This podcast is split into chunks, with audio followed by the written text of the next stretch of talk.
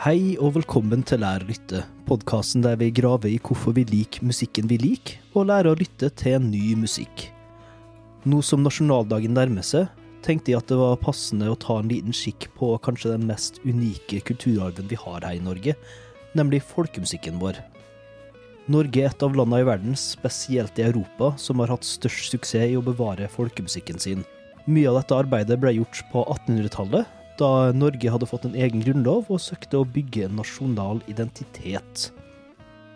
Vi skal ikke gjøre dette til en svær forelesning, da jeg ikke er noen ekspert.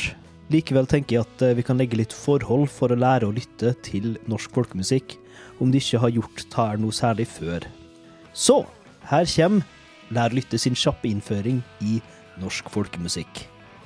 Som vi endte opp med å touche litt inn på episoden Armenian Fingerprints, så har gjerne da folkemusikk en distinkt funksjon i hverdagen, og er ikke nødvendigvis meint til å spilles i et typisk moderne konsertformat. Derfor er det gjerne mer nyttig å dele opp de ulike typene folkemusikk vi har, da, etter funksjonene deres. I grove trekk så kan vi jo først dele ting inn i vokalmusikk og instrumentalmusikk. Om vi tar det vokale først, så har vi jo flere kategorier, blant annet ballader, ulike former for lokk, stev, viser og religiøse folketoner. Balladene har jo fungert som en måte å formidle fortellinger og historie på. Balladene har ofte en enkel melodi med et gjentagende refreng som kan synges i kor, så hvis det er en forsamling, så kan da en forsanger synge vers, så kan folk synge med på refrenget. Og det er gjerne kjempemange vers, som gjerne forteller en historie. En lokk har som funksjon å kalle beitedyr hjem. Av og til brukes også instrument som lur eller bukkehorn. Om du ikke har hørt en lokk før, så kan, kan du kanskje bli overraska over hvor høyt volum noen folk får til ut av kjeften sin. da. Jeg lenker et par videoer i beskrivelsen som dere kan sjekke ut. Stev det er en gammel form for diktning som ofte synges til et sett faste melodier.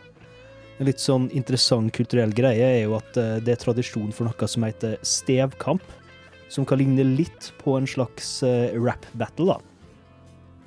Så har vi også visa, som vil være en samlebetegnelse for mange ulike typer av sang.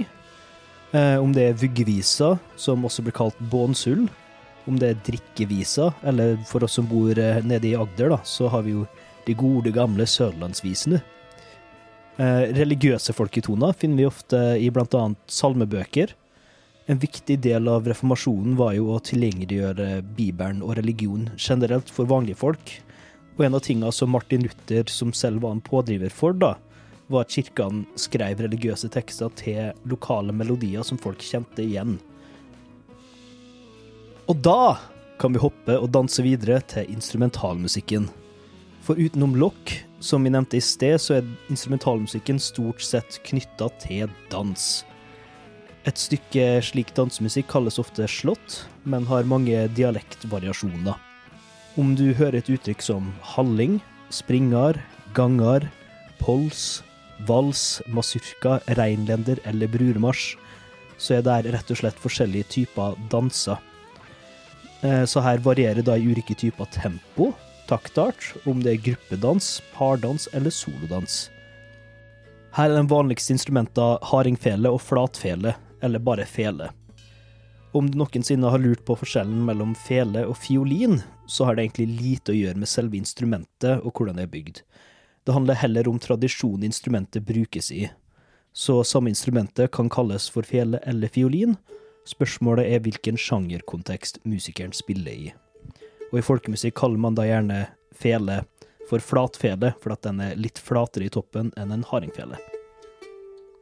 Andre instrument som har blitt brukt, men som har dødd litt ut, kan være ulike typer fløyter, strengeinstrument som lyre eller langeleik, munnharpe og diverse trommer.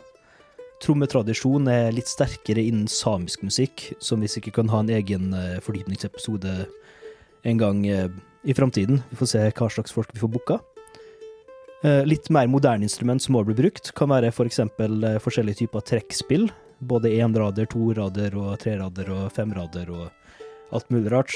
Refererer da til Piazzolla-episoden vår for å kanskje nøle litt mer om trekkspill. Forskjellige typer munnspill ble også brukt. Zitter og av og til gitar. Så dette var bare et kjapt overblikk, mer om historisk og sosiologisk kontekst. Og det er egentlig litt viktig, syns jeg, for å skjønne musikken på sin egne premiss. Tradisjonell folkemusikk er jo som oftest ikke meint til å høres på som vi ofte hører på musikk nå til dags.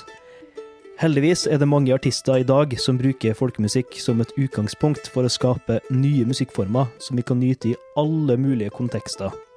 Om det er nattklubb, stua til bestemor eller en klassisk konsertsal. Derfor har jeg selvfølgelig laga en spilleliste med en god blanding av forskjellige eksempel på norsk folkemusikk. Noen er mer tradisjonelle, og noen er litt mer moderne. Om noen av sporene i spillelista faller i smak, så anbefaler jeg da å sjekke ut resten av musikken til artistene. Jeg kan nå anbefale podkasten Kultivatorpodden, om du vil ha litt mer fordypning i folkemusikk, fra noen som har mye mer kunnskap enn jeg har. Vegard Vårdal, som er en av eh, vertene i podden, eh, han kan dere høre i spillelista også. Så da er det bare å sette på lista og leve det inn i kulturarven din mens du gjør det klart til nasjonaldagen. Det blir ingen episode på selve nasjonaldagen, men vi kommer til å komme tilbake uka etter.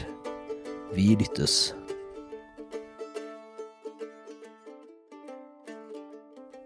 Og hvis du lurer litt på hva mandolinklippinga er bakgrunnen så er det rett og slett eh, min versjon av 'Springar' fra Ivar Fuglestad, som det ligger en eh, fullstendig versjon av ute på YouTuben til lærerlyttet. Det ligger også lenka i beskrivelsen.